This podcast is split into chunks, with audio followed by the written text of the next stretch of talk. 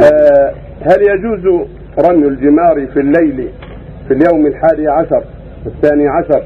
وإذا كان يجوز فأرجو أن يعلن هذا بين الناس في المنسك وغيره لأنه يحصل من الزحام ما تعلمون. والسؤال الآخر من رمى في اليوم آه طيب. الرمي في الليل يجوز على الصحيح من أقوال العلماء بخلاف العلماء ومشهور عند أهل العلم أن يكون في النهار بعد الزوال إلى غروب الشمس. في اليوم الحادي عشر والثاني عشر. أما في يوم العيد هو كله رمي يوم العيد وهكذا النصف الأخير من الليل رمي في ليلة العيد. للضعفاء في آخر الليل النصف الأخير من الليل من العجزة والنساء وكبار السن والمرضى وأتباعهم. وليوم العيد كله رمي. وأما يوم الحادي عشر والثاني عشر هذا مشهور عند العلماء أن الرمي ينتهي بغروب الشمس.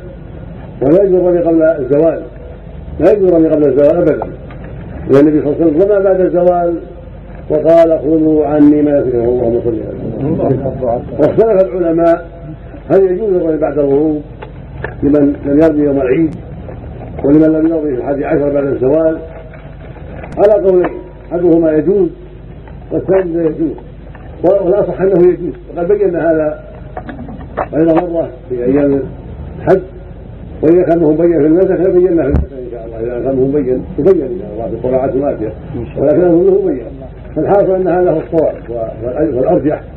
إنه يجوز الرمي بعد غروب الشمس اذا لم يرمي نهارا.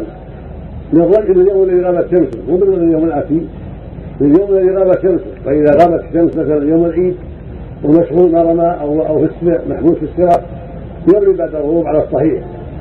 وقد روي عن ابن عمر هذا رضي الله عنه روي عن هذا وهذا. وهكذا يوم الحادي عشر لم يتيسر له بسبب الامتحان يرمي بعد غروب الشمس يوم الحادي عشر. وهكذا يوم الثاني عشر يحم ولم يتيسر أو شغل يرمي بعد بعد الغروب. إلى آخر الليل يستمر إلى آخر الليل كله رمي.